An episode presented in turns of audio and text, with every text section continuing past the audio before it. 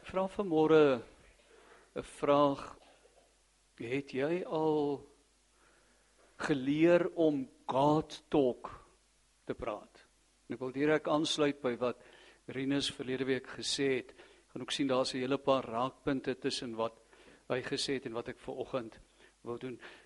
Ek dink nie 'n mens gaan jou blootstel aan teespraak as ek sê baie Suid-Afrikaners is moedeloos en kwaad.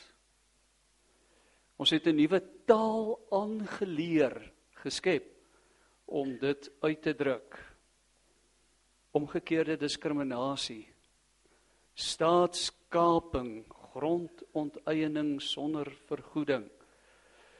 Die gebruik van pensioenfonde om die staat se bates wat bankrot is te finansier. As jy net die woordjie taxi bestuurder vir mense in die stad sê, dan is daar reeds 'n bloeddrukprobleem wat vir hulle ontwikkel en dan nog aardverwarming en alles wat dit inhou.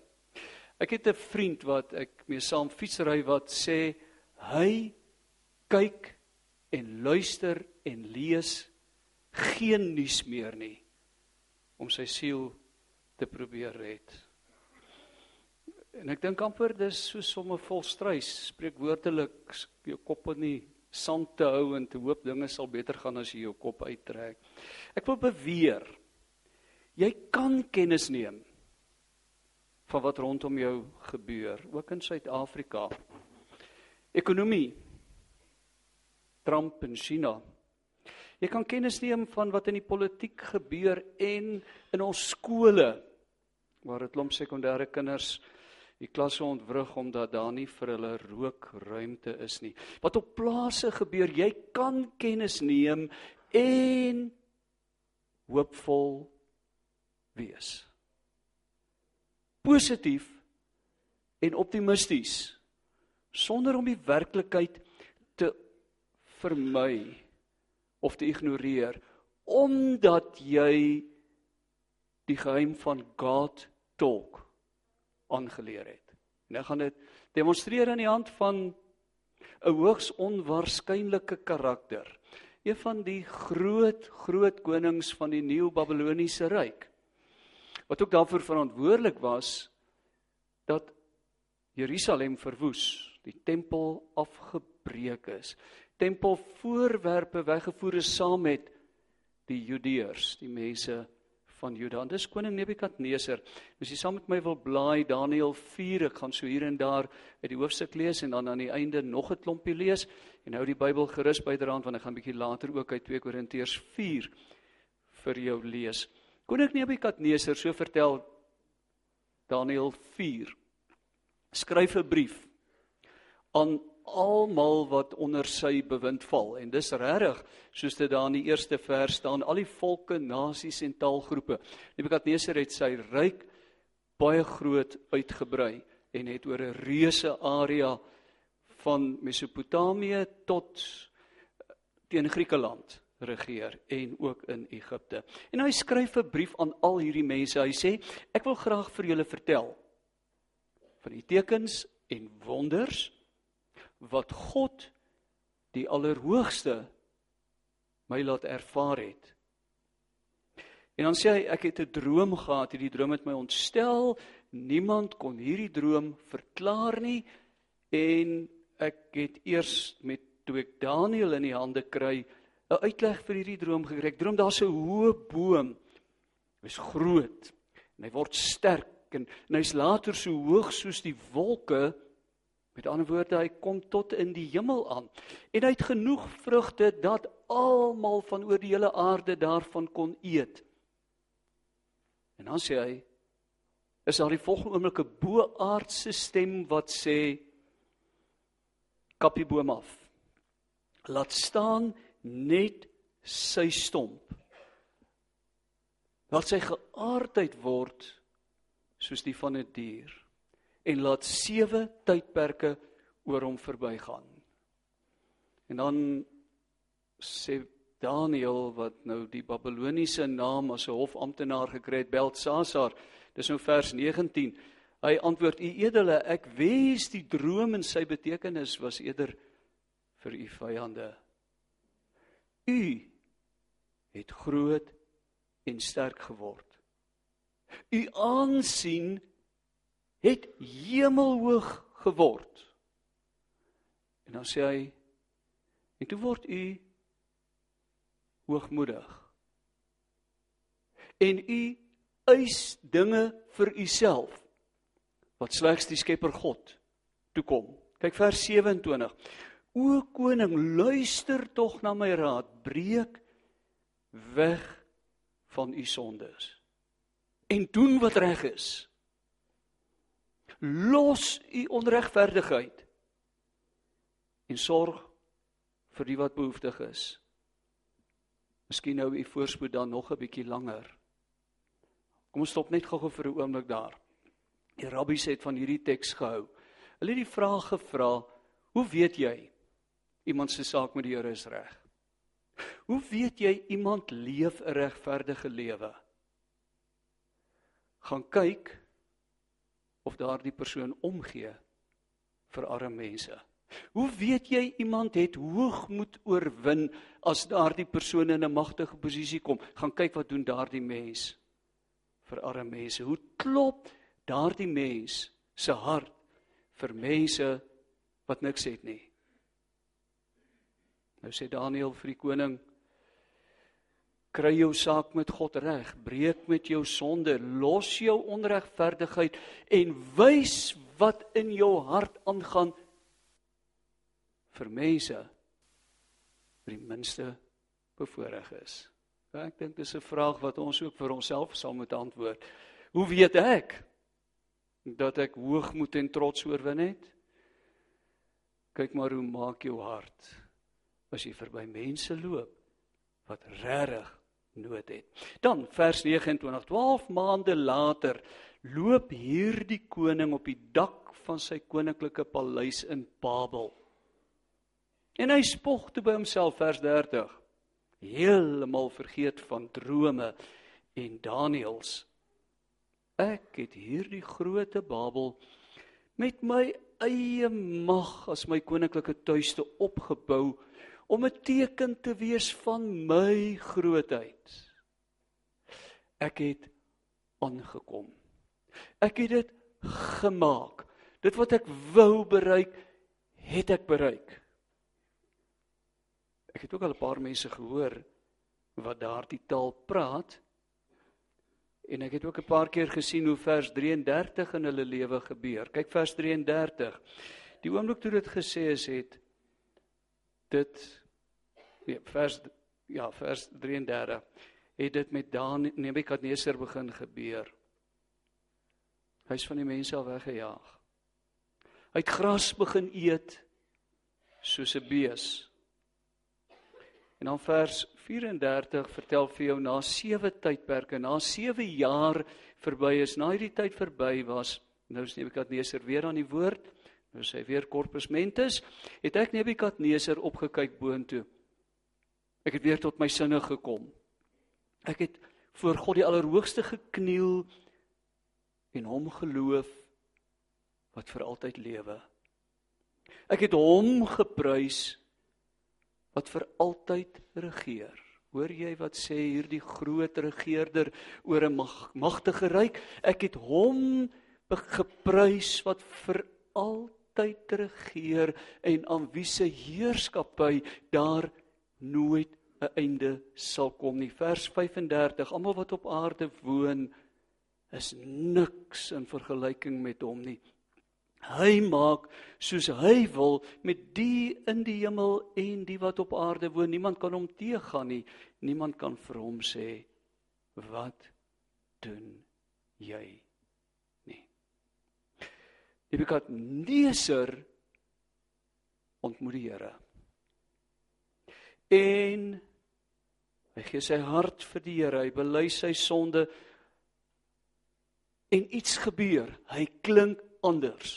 Hoeveel Christene het nie ook hierdie ervaring gehad? Hulle ontmoet die Here, die Here ontmoet hulle en hulle ervaar sy vergifnis en, en hulle begin leef as nuwe mense.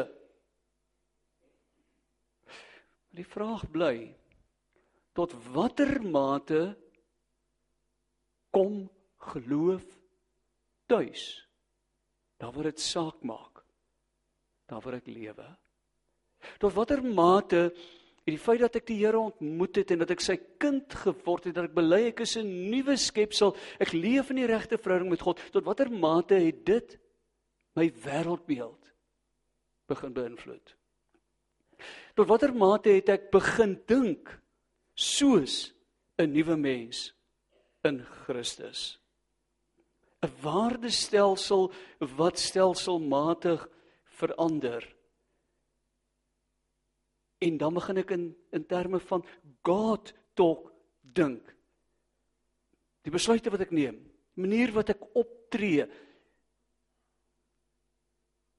En dis die ander moontlikheid of is nog net my siel gered?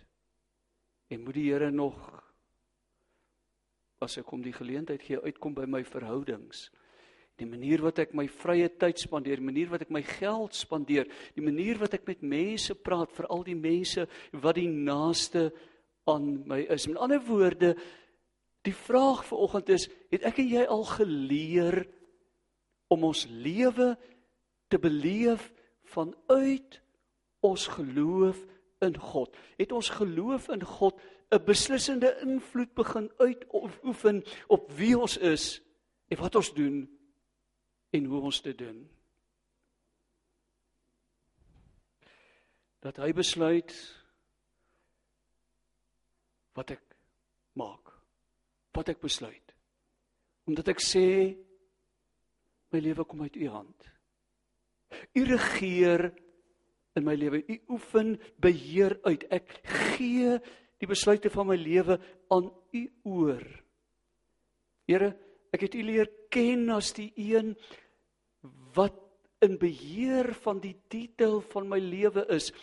Ek het begin om te leer om U te vertrou dat U U doel bereik met alles wat U in my lewe toelaat en dat ek daarom op 'n beklei teen my omstandighede maar eerder U hand daarin raak sien. Dit is wat ek bedoel met God talk. Kom ons trek dit deur na die praktyk en en ek gaan nou verwys na krisissituasies maar maar aan die einde van die dag moet geloof geïntegreer word met elke besonderheid van my lewe. As jy 'n groot krisis beleef, hoe klink jy dan? Wat sê en doen jy dan? Jy verloor jou werk. Daardie woordjie oortollig kry nuwe betekenis in jou lewe sit jy moedeloos langs die pad. Hardloop jy vervaard rond. Of word jy stil en sê Here ek wag op U. Ek wag dat U U hand openbaar met wat volgende gaan gebeur. En dan gaan die maande verby. En as jy nou al 'n klompie pensioen bymekaar gemaak het dan dan begin jy later op die pensioen leef en jy weet wat die effek daarvan daarvan gaan wees die dag as jy aftree sal jy dan nog steeds kan sê my verleentheid is God se geleentheid om iets groots te doen ek bly opgewonde in die Here want ek wag op hom. As die tiener in jou lewe die pad byster raak. Ek wil amper van die ander kant af begin en sê as die tiener in jou lewe nie die pad byster raak nie, moet jy by 'n sielkundige uitkom want daar's 'n fout in die huis. Maar as hulle die pad byster raak, wat doen ons? Dreig en baklei of onttrek ons. Baie paas onttrek hulle. Hulle gaan werk maar om weg te kom van die geskel en as hulle by die huis moet wees, dan sit hulle maar en drink in die hoop dat dit so bietjie sagter sal wees. Of gaan ek na die Here. Sê gee my kind wat nog nooit myne was nie. Wat iemand net vir 'n rukkie vir my geleen het. Wat my skoot stukkend getrap het toe hulle klein was en nou my hart begin stukkend trap. Moenie praat van my beursie nie. Here, ek kom gee u kind vir u terug. Ek kan nie verantwoordelikheid vir my tiener aanvaar nie. Hy of sy gaan op plekke waar ek nie kan wees nie, neem besluite waar hulle my nie ken nie, maar Here het hierdie kind gemaak. U is saam met hierdie kind. U het inspraak in hierdie kind waar net 'n klomp simpel maats praat. U praat saam. Ek gee my kind in u hand. Ek gee ook die bekommernis oor my kind in u hand en Here ek gaan ook vreeslik hard probeer om op te hou nek. Dis dalk al begin van die oorwinning vir jou arme kind. As die EFF in Suid-Afrika aan bewind kom omdat die ANC skeur en die Zuma faksie die EFF ondersteun. En as dit nou vir jou klink of ek 'n nagmerrie gehad het dis dalk nie een nie. Gaan ek uit die land uit vlug? En as ek nie kan nie in 'n diepe moedeloosheid verval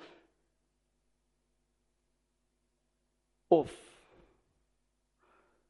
gaan ek die Here raak sien in wat daar gebeur.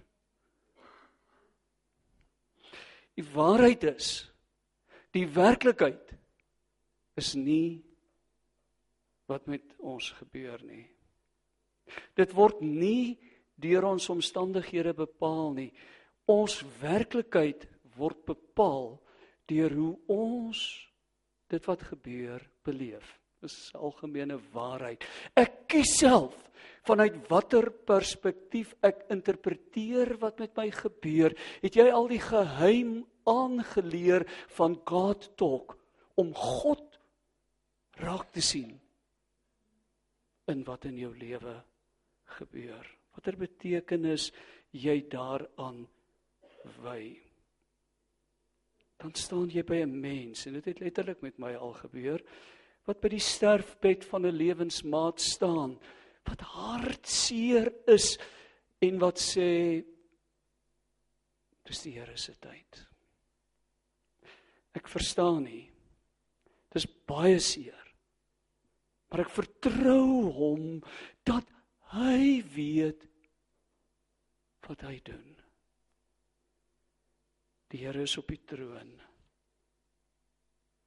Hy besluit dis die genade van 'n mens wat geloof geïntegreer het in hoe ons ons lewe leef en beloof beleef. Omdat ons soos Nebukadneser die God van Israel die almagtige God ontmoet het en ons nou anders na ons lewe en ons wêreld kyk.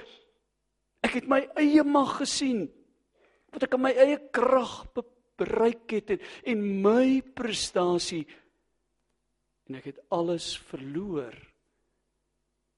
en ek het geleer God is in beheer. Hy besluit en niemand kan verander nie. Die mens wik maar God beskik. En nou rus ek in hom. Hy besluit Rinus het ook verlede week verwys en gaan net vinnig ook ietsie daaroor sê. 'n Goeie strategie van die vyand is om nie in die dag met ons te praat oor ons moeilikheid nie, maar ons in die nag te laat wakker lê en ons te herinner, want in die nag lyk alles 208% donkerder as wat dit in die dag is. Behalwe as jy die bedlampie aansit en by jou iPad vat en 'n bietjie Bybel lees. Maar kom ek vertel 'n geheim. As die duiwel 'n mens in die nag wakker hou, straf hom. Begin met die Here praat. Hy gaan so hard hy kan probeer om jou in die slaap te kry. Maar kom in die teenwoordigheid van die Here, laat sy gees jou salf, begin hom aanbid en verander daardie nagmerrie van wakker lê in 'n binnekamer, 'n soet uur van gebed. En as jy klaar is, sê vir die duiwel ek kyk nou weer bietjie na waaraan jy my herinner. Maar weet jy hoe lyk dit nou? Want ek kyk daarna uit God se oë.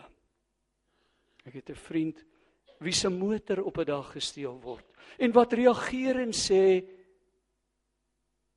die arme dief.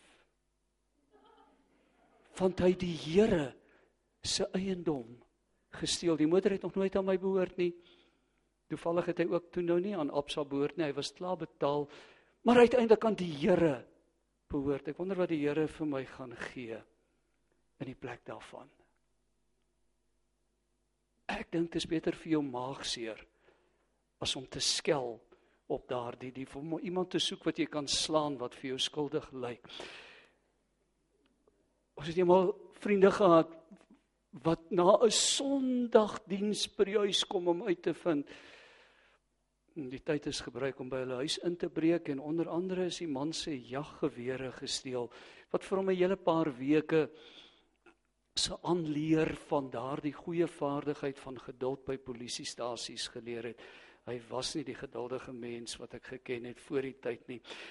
En wat reageer deur te sê wat ons nodig het sal die Here weer vir ons gee. Hy het dit vir ons gegee wat ons gehad het en jy weet jy wat as ons dit nie nodig het nie dan maak dit in elk geval net ons lewe vol goed.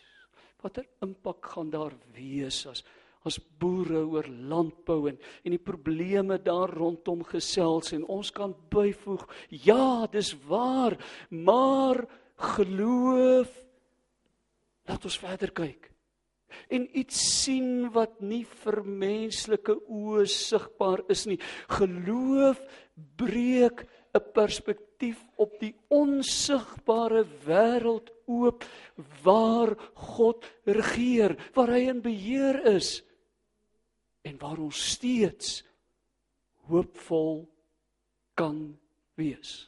Kollegas negatief by die werk is oor die betaalkrag wat maand na maand minder word ons geld verloor sy waarde. Eendag dag gaan ons sommer die silwergeld ook op die straat gooi omdat dit niks beteken nie. Dan sê ek ja. Dis so, inflasie knou ons. Nou as die regering sê die inflasiekoers is 4%, dan kan jy eerder vir hulle sê hulle moet vir jou die weer voorspel, hulle gaan dalk meer nader aan reg wees. Maar weet jy wat? God het beheer van my finansies geneem. En hy het my 'n paar dinge geleer om op te hou om al die goed te koop wat ek nodig het en om te begin konsentreer op die goed waarsonder ek nie kan klaarkom nie. Hy het my ook geleer wat die nadeel van skuld is. Die oomblik nou wat ek na sy gees begin luister het, het 'n kredietkaart vir my 'n rooi uitroepteken geword. En ek is op pad om my lewe meer eenvoudig te maak sodat daar meer tyd is vir wat eintlik saak maak. 'n Laaste perspektief. As jy gou-gou saam met my sal blaai na 2 Korintiërs 4. Daar's een iets wat ons dikwels vergeet wanneer die duiwel ons so besig hou met al die moeilikheid wat die maatskappy het en wat werknemers het en wat werkgewers maak en wat die land het en wat die politici maak. En ek dink nog steeds 'n baie goeie naam vir politici wat baie meer sê as die woordjie politikus is die woordjie belastingdief maar dis net 'n persoonlike opinie. Is hierdie perspektief 2 Korintiërs 14. Ons weet dat hy wat die Here Jesus opgewek het, met ander woorde God die Vader, hy wat die Here Jesus opgewek het, ons ook saam met Jesus sal opwek om ons saam met julle voor hom te stel. Vers 16 om hierdie rede gee ons nie moed op nie.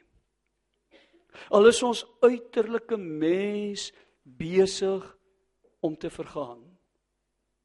Innerlik word ons van dag tot dag vernuwe. Natuurlik geld dit net van mense wat sorg dat God se gees dit in hulle lewe doen wat op hom wag. Al wil hierdie wêreld ons moedeloos maak en onthou bietjie die mense vir wie Paulus hier skryf was Christene wat dikwels vir hulle geloof ten bloede toe vervolg is. Om hierdie rede word ons nie moedeloos nie. Innerlik word ons van dag tot dag vernuwe. Vers 17. Ons swaar kry op die oomblik is gering. Sjoe, gering. As hulle jou dood martel vir jou geloof en tydelik maar dit bewerk vir ons 'n heerlikheid wat alles verreweg oortref en vir altyd vas sal staan. Ek wil vanoggend 'n stelling maak. En dit is 'n feit wat oor eeue waargeneem is dat die kerk eers floreer wanneer Christene in moeilike situasies leef. Wanneer hulle aanbewind is aan die mag is. Die kerk wat van die 4de eeu af staatskerk geword het en die kerk het vir die staat gesê wat om te doen. Die kerk het ontmagtig geraak. Hulle het die gees van God verloor en hulle het 'n blote instelling, 'n instituut geword. Die kerk wat op die oomblik die vinnigste groei is die kerk in China wat nie mag bestaan nie. En as ons dan 'n groter prentjie wil kry van waarheen Suid-Afrika dalk beweeg, dan raak ek opgewonde oor wat met Christene gaan gebeur. Want ons gaan ons magsbasis verder verloor en ons gaan ons afhanklikheid volledig in die Here alleen vind. Vers 18. Ons oog is nie op die sigbare dinge gerig nie. Jy's welkom as jy jou oë op die sigbare dinge wil hou. Maar ons sal vir jou bid want jy gaan baie moedeloos raak. Ons kyk na die onsigbare want die sigbare dinge is tydelik, maar die onsigbare vir altyd. Hoofstuk 5. Ons weet dat wanneer ons aardse verblyf wat net 'n tentwoning is afgebreek word. En as hy nog nie die tentwoning begin lyk het nie wag net so 'n bietjie na 'n paar jaar sal jy sien wat 'n tentwoning aan jou lyf is. Wanneer dit afgebreek word dat ons 'n permanente blyplek by God het. 'n huis wat nie met hande gebou is nie maar vir altyd in die hemel bestaan. Dis hy. Dis ons perspektief. Ons hoop dat daar iets meer is as wat die ANC regering vir ons gaan bied of wat hierdie wêreld vir ons kan gee. Ons kyk na 'n nuwe wêreld. Maar dit beteken nie dat ons hooploos in hierdie wêreld is nie terwyl ander mense van hooploosheid omkom om ons leef ons van eindelose hoop want ons hoop is op hom wat hoop uitspel. Ook in ons wêreld is dit die taal wat Christene gebruik.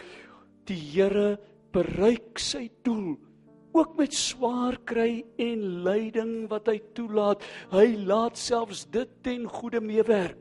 Daarom laat ek nie toe maar dat my omstandighede en my swaar kry my vreugde ontneem nie, want ek vind nie my vreugde in my omstandighede nie. Ek vind my Here vroegoggend op my knieë.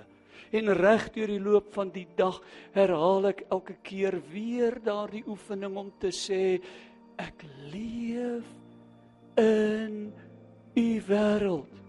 My wêreld is vol van u heerlikheid. Ek sien u gesig in mense en dit wat met my gebeur en ek sien u laat alles ten goeie meewerk.